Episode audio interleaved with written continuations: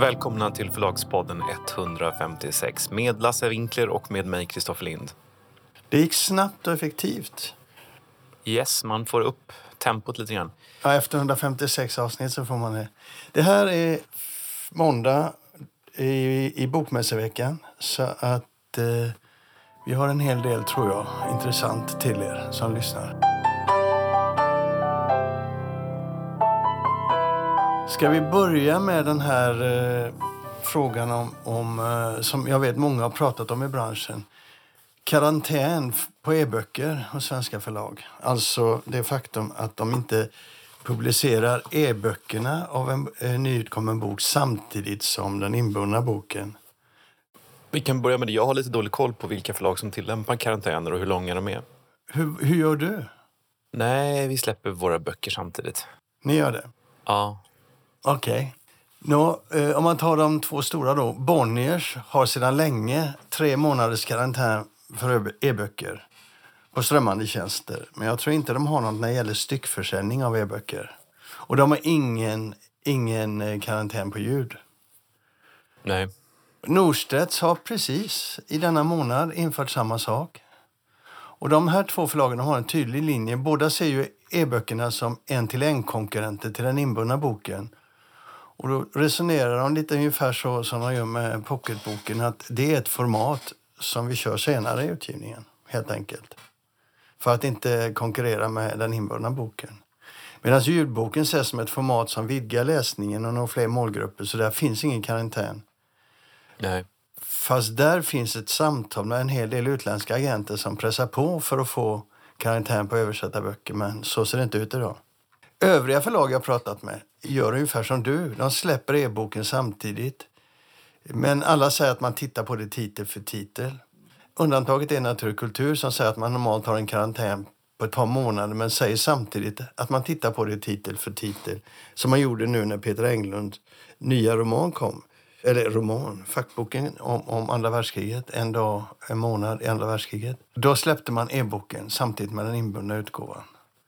Och både Bonniers och Norstedts gör undantag beroende på titel också. Men det är bara undantagsfall som de kan släppa en titel samtidigt. Så ser det ut på den svenska marknaden helt enkelt. Mm.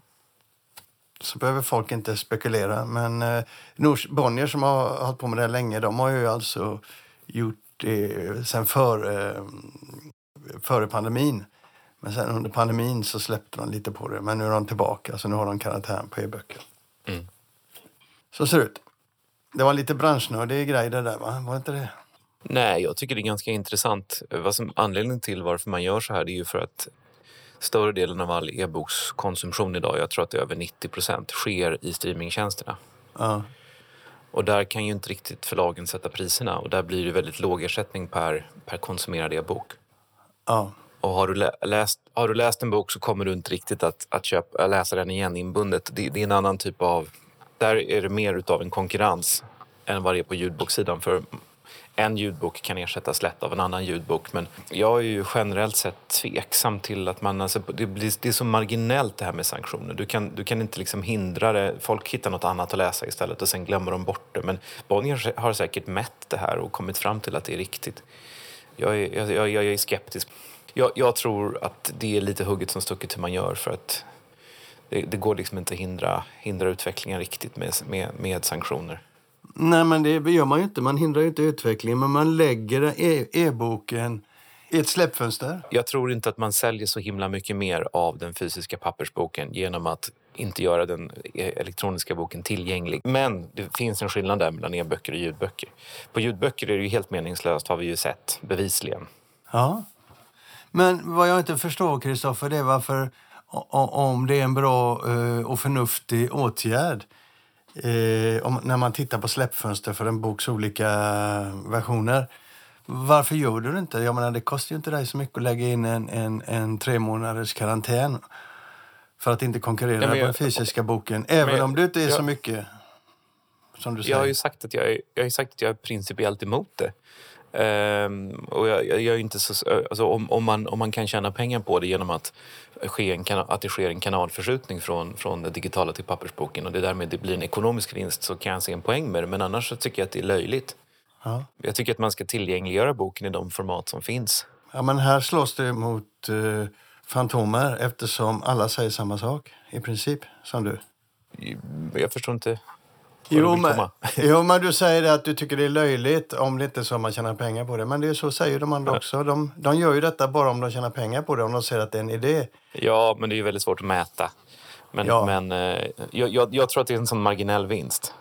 Ja, men nu är det ju så att Bon- Bonniers framförallt som har de här stora volymerna, de har mätt och de ser att detta är en poäng. Och Ja. Jag vet att andra aktörer, andra förläggare eh, säger så här då att ja, men gör Bonniers så så kan vi nog titta på det och utgå från att, att det stämmer. Då gör vi likadant. Ja. Absolut, men jag behöver väl inte göra likadant. Nej, det, du kan göra vad, vad du vill. Jag säger inte det, men här försökte jag bara vara lite logisk. Vi, släpp, vi släpper den punkten. Mm.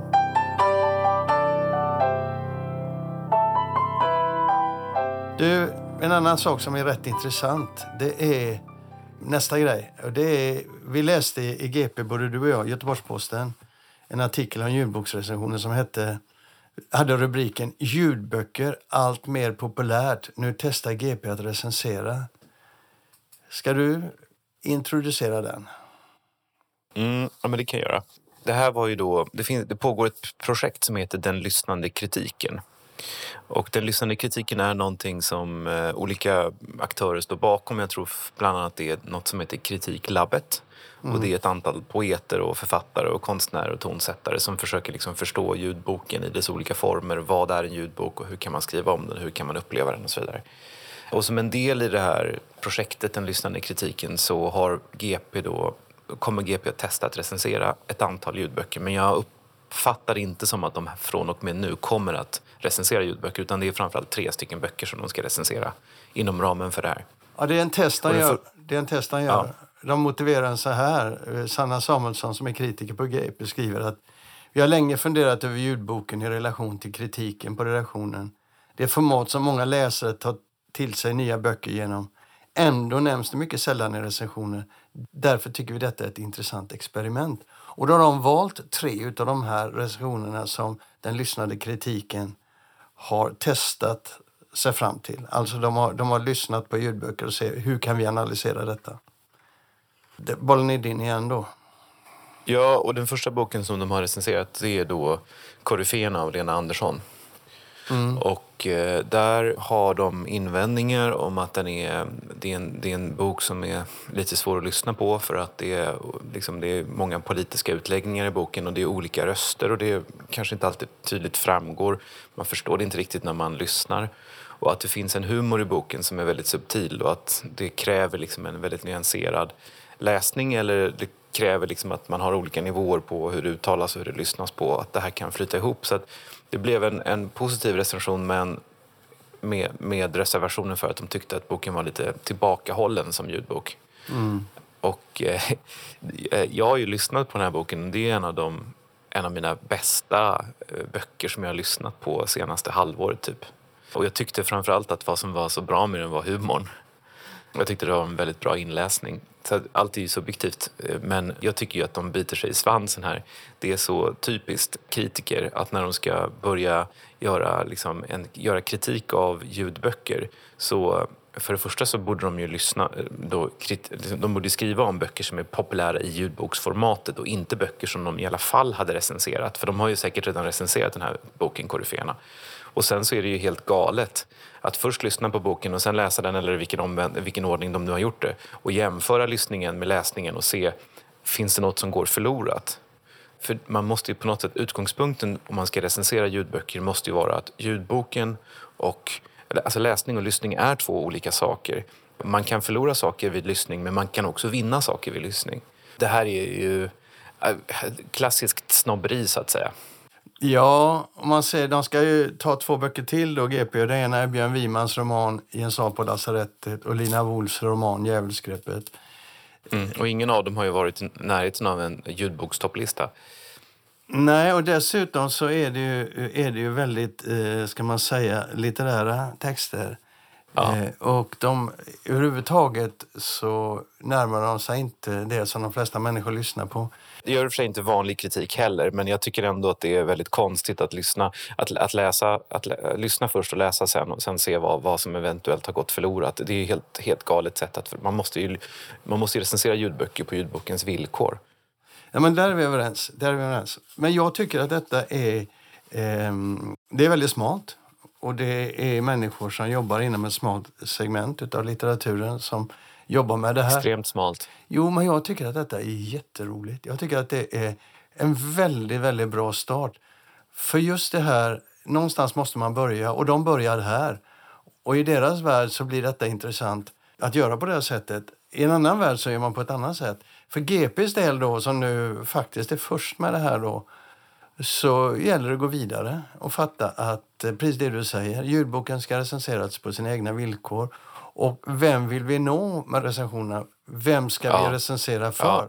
Ja, ja nej, men jag, och, och jag håller med dig om det, men GP har ju liksom trampat fel här på något sätt. Alltså, nu vet vi inte om det här är en satsning på att recensera ljudböcker eller om det bara är en del i det här projektet, den lyssnande kritiken. Men vad de borde göra är ju, om de inte vill att det ska vara supersmalt och om de inte vill att de ändå ska liksom bara ha en ljudboksrecension av en recension som de redan har haft, så borde de ju göra någon slags ljudboksversion av Lotta Olssons deckarspalt i DN. Alltså de, borde- de borde helt låta någon annan... De, borde- de borde, borde tänka om här. De borde vända sig till, till, till, till lyssnarna snarare än till en liten grupp av människor som gillar att experimentellt utforska litteraturkritikens villkor. Jo, men alltså jag, där håller jag med dig nästan hela vägen. Inte riktigt, för jag tycker att GP gör en bra sak här. De börjar med detta. Detta finns, de har sett detta. Så tänker de, låt oss ta tag i detta. Därifrån kan de gå och göra en mycket bredare, mycket intressantare, mycket mer genomtänkt syn på det här med kritik av ljudböcker och recensioner av ljudböcker. Men det, det, det blir ju ändå så att någon har gjort detta och de tar tag i det. De gör en, eh, eh, en problematik här. Sen kan både du och jag tycka det, vänta lite nu, tänk om och, och, tänk på ett annat sätt. Och det har du ju tid med nu. Det här är ju första gången. Mm. Ja, nej, men eh, då är vi eniga. Mm. Och jag, så jag tycker att det är en jättebra grej av den här den lyssnande kritiken. Och jag tycker att GP gör en bra, eh, bra sak som testar det här. Sen går det att kritisera och det gör vi. Och vi vill se något annat. Vi hjälper till så att de kommer framåt. Eller hur? Mm. Intressant är det i alla fall. Och, ett, är det. Och något Lena helt- Anderssons bok Koryféerna är jätterolig som ljudbok. Okej. Två olika versioner av upplevelsen. Mm.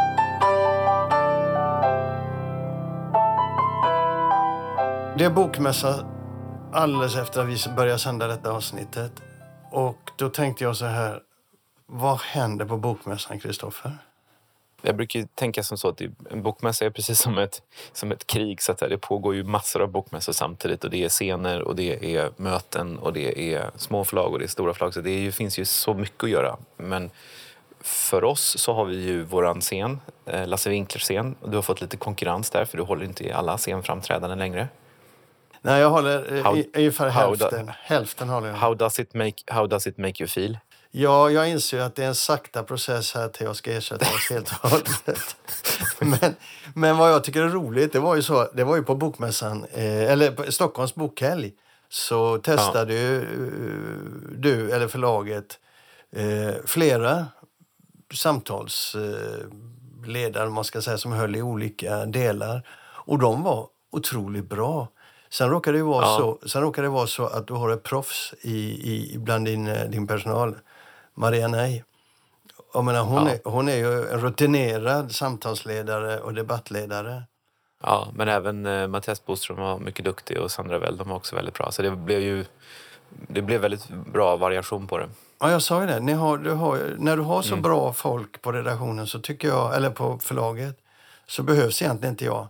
Men jag är med i år i alla fall och jag tycker det är roligt. Så vad framför allt jag tänkte att vi skulle ta upp idag, du och jag, det är att Förlagspodden kommer att sitta på scen. Du och jag kommer att sitta på scen två dagar. Och det är torsdag klockan 14.30 och fredag klockan 14. På torsdagen ska vi prata klassiker. Mm. Du vill prata eh, egna klassiker såklart, den kvinnliga klassikerserien. Och jag vill lägga till eh, hur klassikerutgivningen ser ut bland svenska förlag. Det finns en del intressanta saker att plocka upp där. Ja, det gör det. Och eh, vår ambition och tanke är ju att vi ska spela in det så att blir det bra så sänder vi det sen eh, veckan efter. Men om det inte blir bra så sänder vi det inte. Nej, och det handlar både om kvalitet och innehåll. Men på fredagen så ska vi prata om vad som händer på mässan och då räknar jag med att det ska vara fullt av kvalificerat skvaller. Det ska bli en väldigt rolig punkt tror jag, när vi lyfter fram både det ena och det andra. Så det ser jag fram emot. Mm. Sen, några andra grejer som händer det är att Förläggarföreningen redovisar sin klimatrapport för svenska förlag. Mm. Klockan 10 på torsdagen och har ett rundabordssamtal klockan 14 den dagen. Alltså det är massor av punkter, men jag har bara tagit några här. På fredag 9.20 på Yttrandefrihetstorget exempelvis. Då kommer Jürgen Busch, Frankfurtmässans chef, och samtalar med Frida Edman om bokmässornas roll och framtid. Och det är lite mer spännande än vad, vad man eh, kan tänka sig. Ska du gå dit? Ja, vad tror du? Det är klart jag ska gå dit. Eh, jag ska i och för sig rapportera om det om det är något intressant. Men jag tror att det är jätteintressant. För jag tror att det finns mycket att fundera över när det gäller bokmässornas eh, roll och framtid. Det har vi ju sett de senare åren. Och sen lite nya grejer från, från Bokmässan. Då. De har en gymnasiescen i K-hallen, en stor hall som ligger lite, bort, lite långt bort i ett hörn, men som är väldigt stor. Där 1500 gymnasister kommer att få husera och få program för sig innan de kan gå ut i den vanliga mässan. Men de biljetterna är slutsålda, så 1500 gymnasister kommer på Bokmässan. Och eh, sen har du ju eh, Bokmässan by night, där jag tror det är fem scener som ska vara på kvällen där, va? där det ska hända massa saker. Ingen aning om det blir, men jag kommer ju kolla det, vara där. Mm. Ja, det är kul. Vad kan man säga mer? Jo, entréavgifterna är, är, är, lägre i år. De har gått ner. Eh, hur mycket? Jag vet, det är lite olika på olika ställen. Men man har infört en, en student... Vad ska man säga? Studenter betalar 185 kronor per dag och då får de hela seminarieprogrammet plus bokmässan Play fram till 31 december. Så du har lite sådana strukturer, men det kan vi inte läsa upp allting. Men, men man har sänkt de priserna mot eh, folk. Och försäljningen, den är paritet med 2019 säger man. Men det säger inte så mycket säger man också därför att den tunga försäljningen av entrébiljetter och seminariekort den kommer nu den sista veckan, sista dagarna och framförallt direkt på dörren säljer man väldigt mycket. Så vi vet inte, men de är optimistiska. Vad ska de säga? Mm. Ja, ja, men nästa vecka så vet vi. Då kommer vi att rapportera. Ja, och jag kommer att vara där utom på torsdag kväll klockan 18 är jag borta en stund. Så jag smiter ifrån eh, ditt mingel där en stund och rusar till English Bookshop som öppnar nästa torsdag i Göteborg. Jaha, vad roligt. Ja, kul. Ja, det kommer att bli min stambokhandel så att jag måste dit och kolla läget. Att de gör rätt från början. Eller hur? Mm.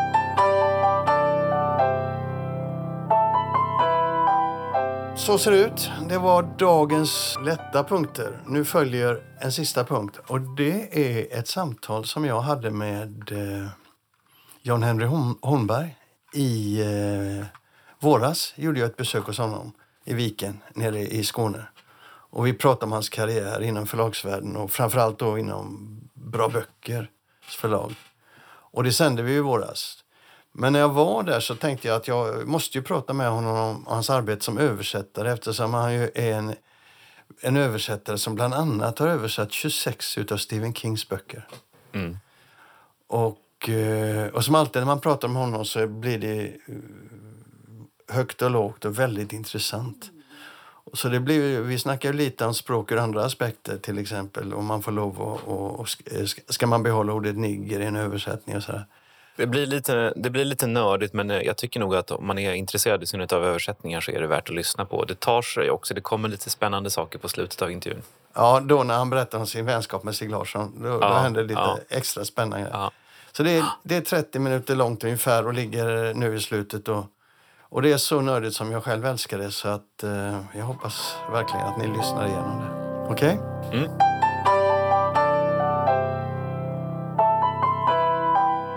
Vi har tidigare pratat, eller jag har tidigare pratat med Jan Henry Holmberg om bra böcker. Men det finns något som är ännu intressantare att prata med Jan Henry Holmberg om och det är översättningar. Du översätter i huvudsak från engelska, eller det är engelska?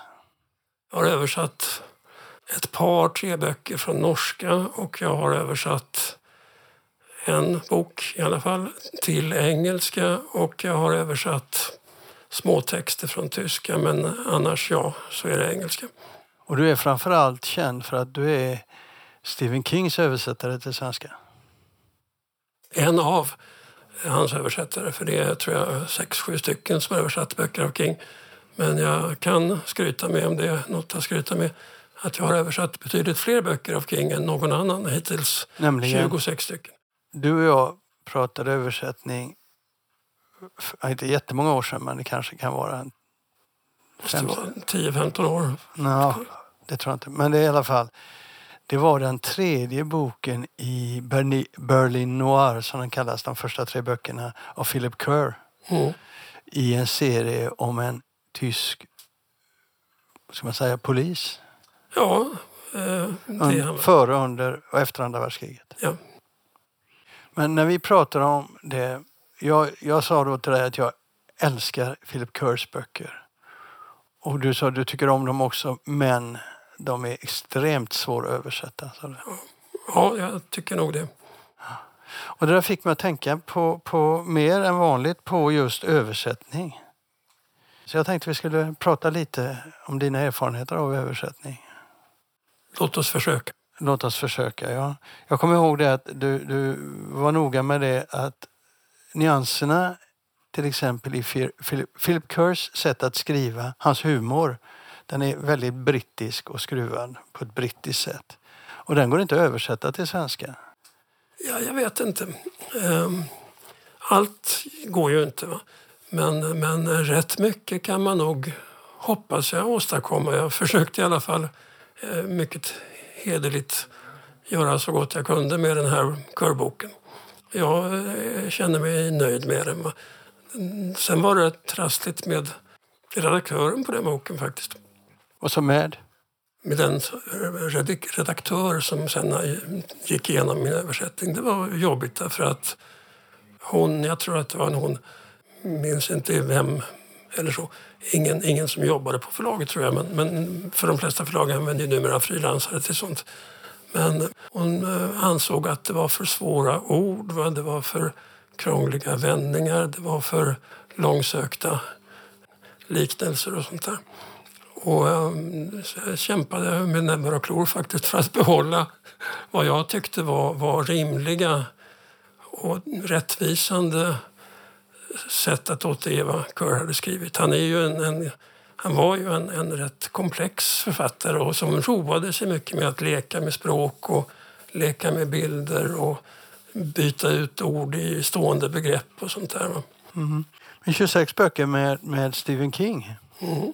måste ha gett dig betydande erfarenheter av hur man anpassar till exempel hans språk till svenska och vilka fallgropar du ser och vilka tillkortakommanden som, kan vara, eh, som man kan råka ut för till exempel. Ja, och säkert finns det saker som är mycket diskutervärda i många av mina King-versioner. Men eh, alltså nu är jag väldigt förtjust i Kings språk och hans sätt att skriva. Jag tycker det är eh, följsamt, spännande många gånger för att han leker också med schablonbegrepp och sånt där. Och eh, han är förtjust i att anpassa stilistiken mycket till skeendena. Så att han kan skriva på helt olika sätt beroende på vad som händer i berättelsen. Liksom han ju faktiskt är en, en rätt imponerande stilist dessutom. Eh, den här fjolårsromanen som heter eh, Billy Summers eh, tyckte jag var oerhört bra. En av hans, en av hans bästa romaner i, på länge. Och i den har han ju för det första i varje fall fyra distinkta berättarröster. Eftersom du har dels huvudpersonens, då, titelfigurens, som berättar hela historien i princip. Egen talade röst som dock förekommer i två varianter. Därför att när han har att göra med vissa personer så låtsas han vara väldigt svagbegåvad. Men inte annars. Och sen när han börjar skriva sin självbiografi så börjar han ju skriva med den här lossade rösten och övergår så småningom till sin egen litterära röst. Varefter sedan en ytterligare person kommer in i handlingen både som, som berättare och som fortsättningsförfattare på hans egen berättelse. Och det där tycker jag var intressant och väldigt skickligt gjort. Om jag svårt, har... svårt att översätta? Ja, alltså jag hoppas jag har lyckats hyggligt åtminstone. Men inte lätt att översätta. Och eh, dessutom så eh, är det ett återkommande problem med King är att han är en författare av det slag som är väldigt förtjust i populärkulturella referenser. De fungerar inte alltid i Sverige? Nej, det, det gör de förstås inte. Framförallt om han, om han refererar till en, en känd populär amerikansk tv-personlighet cirka 1960 så är det ju inte allom givet att veta hur den personen ser ut eller vad den står för eller på vilket sätt den eh, så att säga är relevant. Eh, så att det händer väl att, att jag upplever att det enda vettiga är att kanske ta bort någon sån referens. Men jag försöker alltså. Jag menar, det går ju liksom att alltid, eller oftast att kanske lägga in ett eller två ledord som ger en antydan om vad det här handlar om. Dilemmat är ju att man måste känna igen det och man måste veta själv vad det handlar om. Samma sak är ju med hans stora förtjusning i att citera saker ur, ur eh, lyrik eller litteratur eller barnböcker eller något sånt där. Där man ju också bör dels upptäcka att det är ett citat och sen kunna ta reda på eller veta varifrån det kommer. Och i för, förekommande fall så brukar jag när jag hittar dem och känner igen dem också försöka rota fram en, en vedertagen svensk översättning om nu det finns några vedertagna längre. Jag till exempel envisas med att alltid citera Shakespeare i Hagbergs översättning därför att eh, det finns så många Shakespeare-översättningar av enskilda dramer så att om man börjar variera mellan dem så kommer ju ingen att känna igen att det är Shakespeare på svenska. Sen blir det ännu svårare om det är någon, när han lägger in ett citat som ska ingå i texten. Därför att då kräver det också att citatet även i översättning passar in här och betyder samma sak som det han vill få fram. Och det, det är inte alltid man hittar sådana. Så då får man i värsta fall nyöversätta någon Shakespeare-rad. Så pass alltså? Ja, ja.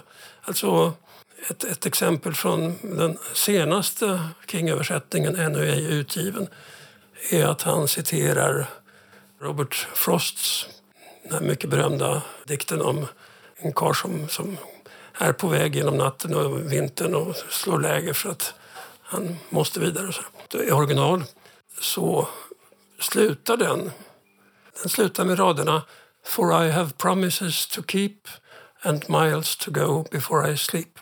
Men i den vedertagna svenska översättningen av Gullberg tror jag, så har han hoppat över det här med promises to keep. Och då är det citatet meningslöst. Så att då får man ju försöka översätta de två raderna av Robert Frost. Och sådär. Mm. Nu har jag ju den egenheten att jag tycker alltså att det är ganska roligt att översätta bunden lyrik. Alltså under, under min sejour på Bra böcker översatte jag ju inga böcker själv för det hade jag inte tid till. Men däremot så mm, när de översättare som anlitades hade översatt någonting med diktcitat som inte fanns översatta så brukade de då skriva dem på engelska, eller så här, som är vanligt. Och eh, då brukade jag roa mig med att sitta och översätta dem. Det kunde man göra på kvällar och eventuell ledig stund. Det finns någon roman som handlar om en eh, collegestudent väl som är, hon är, hon är fanatiskt fascinerad av Dorothy Parker. Så det citeras mycket Parker i den romanen, upp till hela dikter enstaka. Och där översatte jag allting av Dorothy Parker till exempel. Eftersom de översättningar som finns tycker jag inte gör rättvisa åt dem eftersom de bland annat inte är rimmade. Men får du några reaktioner på dina översättningar? Nej, ytterst få. Jag har ju fått ett par pris för det. så att det... Relativt trygg då? Ja, jag har fått gott om jobb de senaste rätt många åren. Alltså. Tillbaka till eh, Stephen King. Annat gott exempel är ju att när jag översatte den här Mörka tornet-sviten började som sju volymer men har blivit eh, åtta med tiden. Så det första jag översatte tror jag, när jag började med första boken, var av Robert Brownings dikt Child Harold eh, Child Roland to the Dark Tower Came som ju var en del av inspirationen som King hade för böckerna och som här och där associeras till i texten. Och eh, detta epos av Browning som är på 38 eh, strofer, tror jag. De är väl sex eller åtta radier. Eh, fanns, hade aldrig översatts till svenska, så den började, det var det första jag översatte av Mörka tornet därför att hela den dikten eh, finns med som appendix till sista volymen. Men för att kunna få de referenser till dikten som finns i böckerna att passa med dikten så måste den ju finnas först. När du började översätta Stephen King och nu när du efter så många böcker fortsätter att översätta Stephen King, har jobbet ändrats på något sätt? Det finns väl en uh, risk att de första översättningarna är, hoppas jag, svagare än de senare. Eh, jag har inte läst om mina översättningar av Stephen King mer än Ja, på landet har jag några stycken av dem och jag läste om några för eh, kanske tre, fyra år sedan. Sen var det ett par år när man inte var på landet. Och jag tyckte ju nog att de höll ganska bra även om jag erkänner att jag har aldrig läst om något jag har översatt utan att hitta någonting som jag skulle vilja ändra. Men du, du närmar dig inte hans böcker på ett annorlunda sätt idag då? Nej, det tror jag inte. Hur gör du? Hur börjar du? Ja, det, det, det här får jag inte säga ens för det. Eh, så det, det gör i alla fall i offentliga sammanhang har jag inte hört någon kollega säga så i översättarbranschen.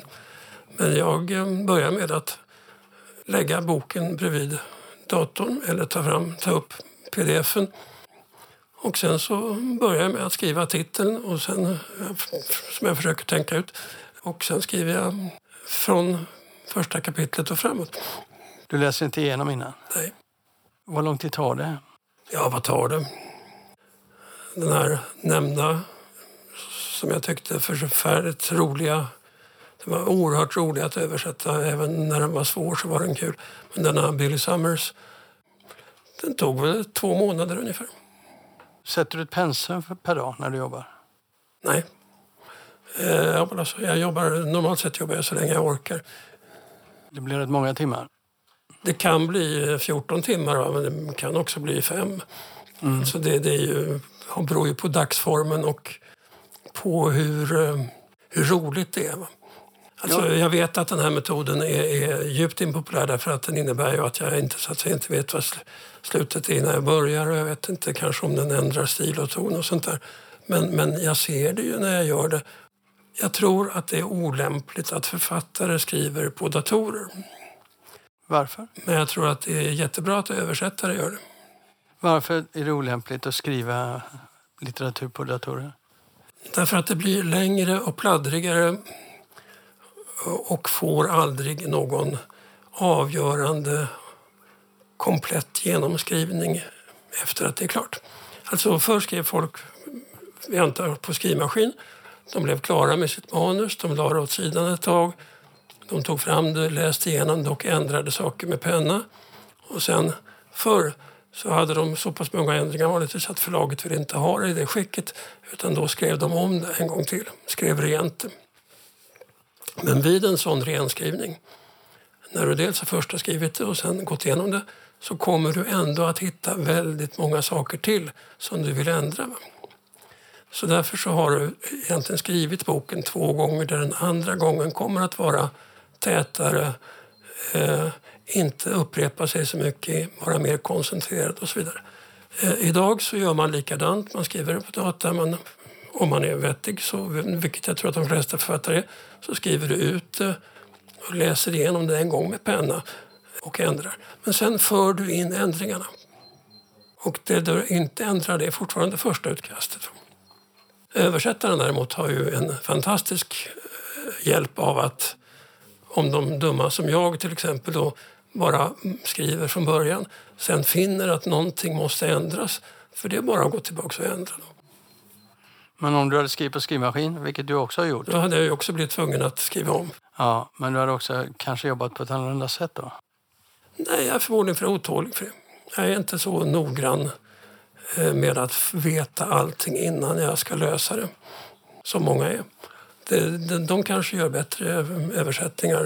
Jag säger inte att jag är världens bästa översättare men jag har ju fått ett, en, ett antal personer som ansett det, att jag är duktig i alla fall. Men du, jag tänker på det att du läser ju gärna böcker i original, inte översättningar själv. Ja. Vad finner du i relation till det engelska språket och det svenska språket som är problematiskt när du läser översättningar, de gånger du gör det? det är vad är det som är lätt att tappa i en översättning? Känslan. Alltså, det värsta med översättningar är ju när man ser att, att översättaren känner inte tonen i författarens språk. Och det här är någonting som man ofta märker när man arbetar med olika redaktörer. Att eh, de har egna uppfattningar på något sätt om hur en mening ska vara konstruerad. Om man får lov att använda semikolon som man absolut ska använda. Det finns ju förlag som förbjuder semikolon. Mm. Förlag som jag har den största respekt för, nämligen Bakhåll i Lund, tillåter inte semikolon i sina böcker. Jag förstår inte. Jag tycker de har fullständigt fel. Men eh, i övrigt så är de berömliga. Men, men just på den punkten. Eh, idag har vi också den här egendomliga uppfattningen om att, att man inte får, får lov att använda vissa ord. Har författaren använt det och har man köpt in författarens bok så är det klart att de ord författaren använder ska få finnas i boken. Annars ska man ju låta bli kanske från början. Har du råkat ut för det själv, det problemet? Jag hade en diskussion, nu vann jag den diskussionen så att säga, så att jag har inte råkat ut för det på det sättet, men den var långrandig, om en bok där ordet nigger förekom. Nu var det ju så att eh, det förekom ett par gånger i ett samtal mellan två gestalter i boken. Bägge är skurkar, eh, men den som använder ordet är en skurk i 75-årsåldern som har suttit inne i 40 år eller något sånt där för mord och som är sån här nu, numera då överviktig, fet, försupen mc-knutte som eh, medan han sitter och super och knackar med den andra eh, Dessutom har han hakkors tatuerade sådär på sin rakade skalle och så. Använder det här ordet när han pratar om, om somliga medfångar och sånt där. Och vilket ord i hela världen skulle han annars använda? Han bor i en amerikansk sydstat. Han är en, en gammal fascistoid Hitlerdiggare. Vad skulle han säga om, om svarta personer? Och det fick du en debatt om då? Ja. Men, men jag, alltså, jag, jag tror att det där så väldigt ofta eh, hamnar fel. Jag menar, alla vet ju att dessa förbjudna ord existerar. Alla vet väl också att somliga använder dem. Om du nu skriver om en person som använder den typen av, av begrepp då ingår ju detta i karaktäristiken av den personen. Det, det finns ju tappra amerikanska professorer till och med som har gett ut, det finns en utgiven eh, upplaga av Mark Twains Tom Huckleberry Finn där ordet nigger är utbytt genomgående mot ordet slav. Men hela poängen med Huckleberry Finn, inte hela kanske, det är en stor roman på många sätt, men en av de bärande temata man hittar i boken är ju hur stackars Huck Finn, som är en, en, en grabb vars pappa är ett försupet kräk och vars mamma är förlupen sedan, eller död sedan alltid, eh, som bor i Missouri på 1840-talet, eh, rymmer och forslar sig på en flotte nedför floden och får snabbt sällskap av en förrymd slav som heter Jim som alla kallar för niggerjim. Därför att detta var det begrepp som användes om svarta i Missouri på 1840-talet, 20 år före inbördeskriget. Och grejen med boken är ju att den här skildringen handlar ju om hur Huck Finn med hjälp av Jim, som blir hans vän, inser att det frakt och överlägsenhetskänsla som ligger i det här begreppet nigger är missvisande därför att den här niggern är en bättre människa än de som kallar honom för det. Och när Huck kommer till den insikten så bör ju också läsaren fatta det. Och det är en av bokens poänger att, att sen svarta föräldrar i somliga amerikanska skolor vill att boken inte ska läsas av deras barn förstår jag inte. Eh, de borde nog läsa den därför att de kanske kan lära sig att även vita kan upptäcka saker och ting. Och de vita barnen bör absolut läsa den. Fast de får inte heller därför att deras föräldrar tycker att det är så hemskt med en bok där en, en eh, pojke i nedre tonåren vistas delvis naken på en flod tillsammans med en svart vuxen man.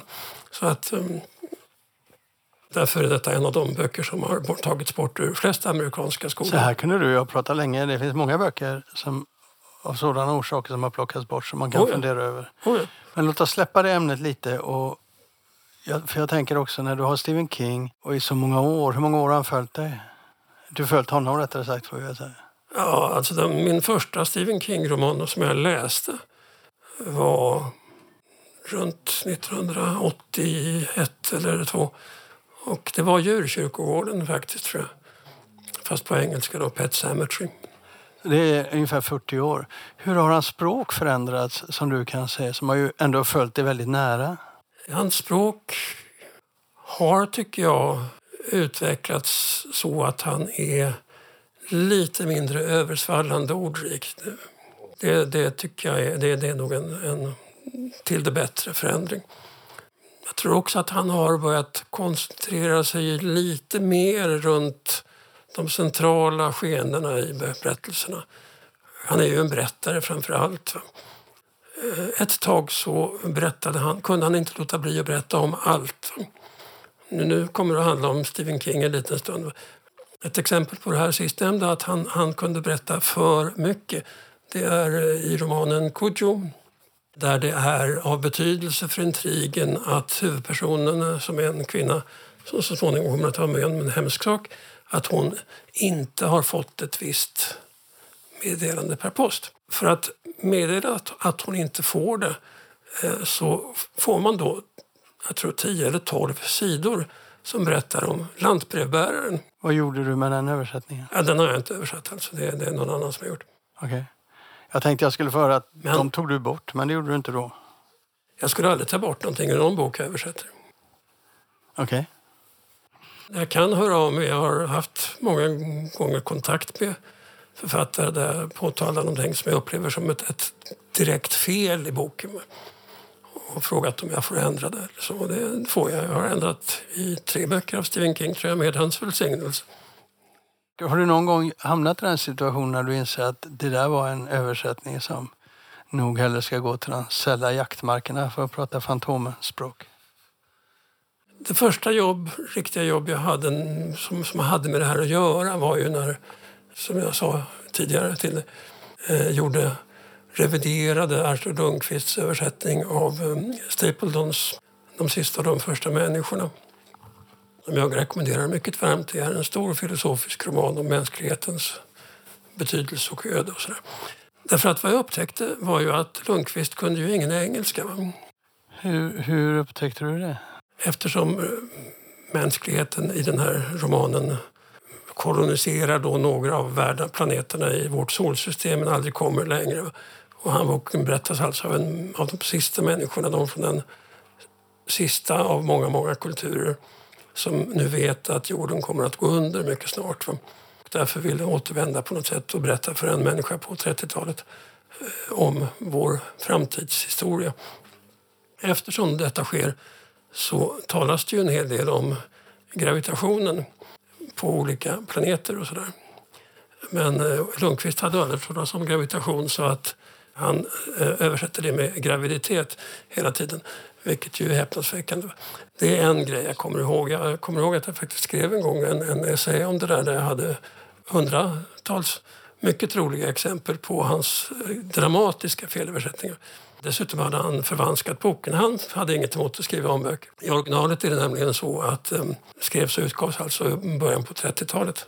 Att um, de eh, totalitära rörelserna i världen ganska snabbt besegras och försvinner mot slutet av 1900-talet. Stapledons förhoppning, många av vår antar jag. Och det här gillade alltså inte Lundqvist eftersom Stapleton som totalitära regimer som försvann talade både om eh, Hitler-Tyskland och om Sovjet. Så att i Lundqvists översättning så, så eh, ges Sovjet en betydligt mer framträdande bild i Stapletons original. Det här med hur de försvann och sånt där, det, det är nedkortat mycket, väldigt mycket och sånt där. Så, Vad heter boken? De sista och de första människorna, Last and First Men. Klassiker hos Penguin, alltid i tryck. En grej som jag hade begripit är att Stig Larssons romaner kunde bli så fantastiskt framgångsrika på engelska som de ju blev eftersom de är så fantastiskt dåligt översatta från svenska. Ja, där är det ju så att den första översättningen blev det bråk med förlaget om. Ja. Därför att de tyckte att den var så dålig. Ja. Så de ville, de ville göra om den. Och då eh, sa översättarna att då fick de ta bort hans namn, vilket han ju sen kom ångra väldigt mycket. Ja. Men vad menar du när du säger det, att de var dåligt översatta? De är dåligt översatta. De är översatta av de som inte kan svenska och inte vet vad svenska saker betyder. Så eh, den är översatt av någon som inte har någon känsla för, för språkens valörer alls. Jag menar, i, I Stigs romaner så används fru och herr och advokat som någon slags titlar genom att de eh, ställs med stor bokstav före namnen i fråga. Eh, det är inte, bara den, den, det är inte den valör det har på svenska. Nej. Här kan du översätta med Mr, men inte med herr med stort H. Det, det är en, för den initierade amerikanen eller engelsmannen så är det en tysk lågadelstitel. Eh, och det är absurt på, på engelska. Det finns tappade rader i dem som innebär att man har sedan fått göra några småändringar. Man har inte märkt att man har tappat raden utan man eh, korrigeringsändrar för att det ska stämma på något sätt. Men det gör ju att fel person säger fel del i en replik och sånt där. Och varför vet du detta? Ja, därför att jag jämförde en eh, inte helt obetydlig mängd sidor mellan eh, svenskan och engelskan eftersom jag skrev en, en essä om det här i en amerikansk bok. Du har också, det kan man ju säga då för de som inte riktigt, det är ju många som känner dig i, i bokbranschen i Sverige då, men de som inte gör det ska du veta då att du var vän med, med Stig Larsson. Ja, ja, ja. Nära vän till och med. Ja, vill jag påstå. I, i, ja, vad kan det bli? 30 år. Och du var en av de första som läste hans manus? Det antar jag. Han skickade dem i pdf, eller i, han, skickade, han skickade dem i, i Word-filer som kopior till mejl. Jag vet att du visade mig en gång en korrläst sida eller en ska man säga, redaktörläst sida. Du hade i alla fall tagit en, en av hans sidor mm. med det till tv-program för att visa hur mycket fel det var i uh, rättningar det var på en sida. Ja. Den såg ut som du hade fått tyfus över hela sidan. Ja, jo. Eller, eller, eller smittkoppor eller vad man ska säga. Det var tätt, tätt, tätt, tätt, tätt. tätt. Jo, det är riktigt. De är hårt redigerade faktiskt. I, i, inte helt utan fog. Stig var en flyhänt men väldigt slarvig skribent. Så du använder din språkkänsla också åt detta hållet, åt det svenska hållet, när du jobbar? Ja, det är klart. Det, det måste man göra. Ska du översätta någonting så... så det, det, det, jag, jag hävdar att det absolut viktigaste är att du är väldigt bra på ditt eget språk för svårigheter i utländskan. Så ja, du ska också vara väldigt bra på att uppfatta nyanser och språknivå och sånt där i originalet. Men du behöver inte kunna alla ord i och för sig. Det, det ska du kunna på svenska. Va?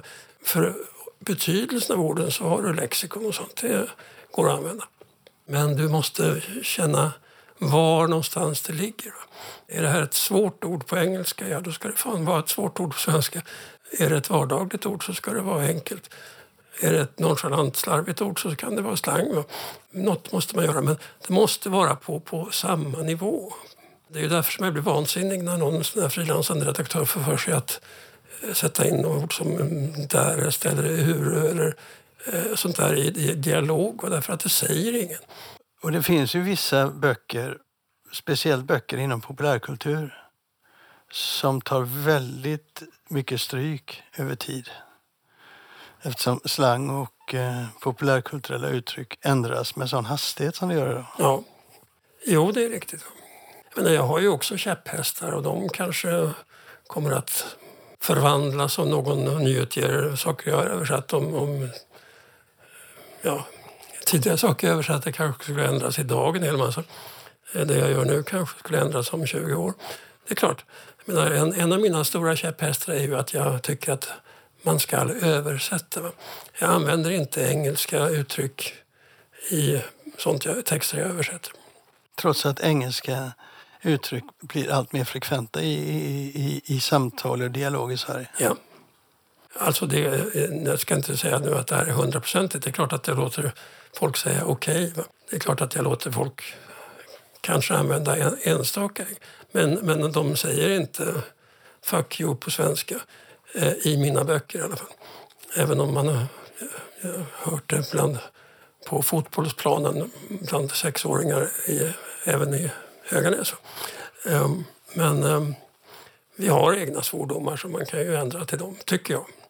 Eftersom det här ska vara en bok på svenska. Likaså så tror jag nästan aldrig att jag har använt det har blivit vanligt om någon citerar en dikt så får de citera den på engelska. Det är, citerar de på svenska. Eh, sångtexter kapitulerar jag för i vissa fall. Därför att? Därför att alla här har hört dem på engelska. De finns inte översatta. Det där, men språkets förändring är ofta, går ju med generationerna. De går i olika hastighet i, i olika faser. Mm. I, om man tittar på 1900-talet och 2000-talet. Men det är uppenbart att varje generation hittar sina egna uttryck. Ja. Mer eller mindre stor mängd. Och det är ett problem också när du översätter. Det är ett stort problem. Och jag, jag undviker nog, till exempel försöker jag också undvika att översätta slang särskilt mycket. Därför att den slang som jag eventuellt kan är ju alldeles för gammal. Måste det vara slang, alltså den talande är fylld av slang så, så försöker jag fråga någon i rimlig ålder. Jag, menar, jag har ju barn som är, ja, yngsta är 25 i alla fall. Men, men i alla fall, de hör ju även vad de som är 20 och 18 kanske säger. Vilket jag ju sällan gör numera, utom på en och annan SF-kongress kanske. Mm. Slang är ju mycket mer känsligt än, än uh, normalsvenska för det här. Och det är oftast där man ser hur daterade en del översättningar är. Ja. Men du, finns det... Jag menar, du pratar ju med andra kollegor som är översättare och, och finns det någonting man absolut inte får göra som översättare? Där man sätter en gräns. Jag, jag förstår att den är individuell, men, ja.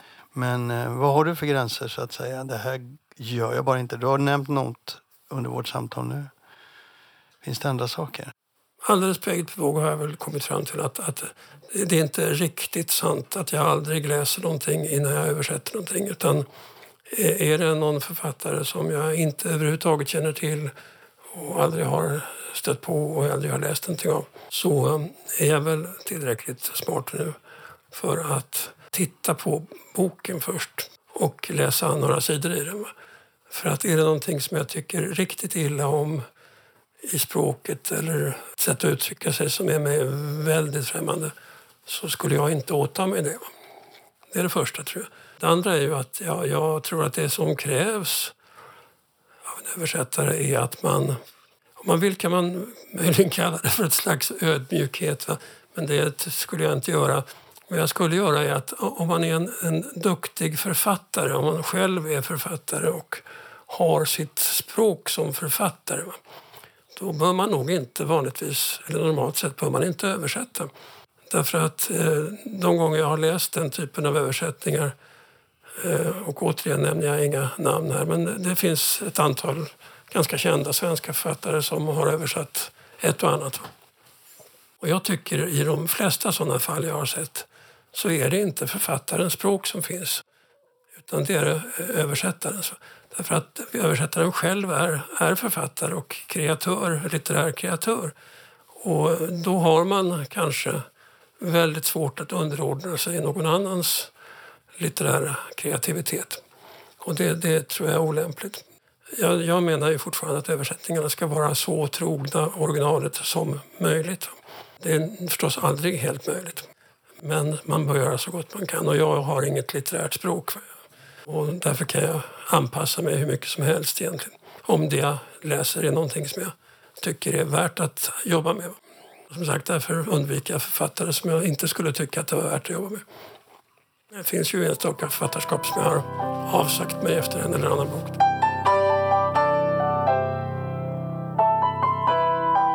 Då är det bara jag som säger tack och hej leverpastej. Det här var, det här var eh, avsnitt 156. Och Ja. vi eh, hörs igen nästa vecka. Ja, det gör vi. Hej då! Hej då!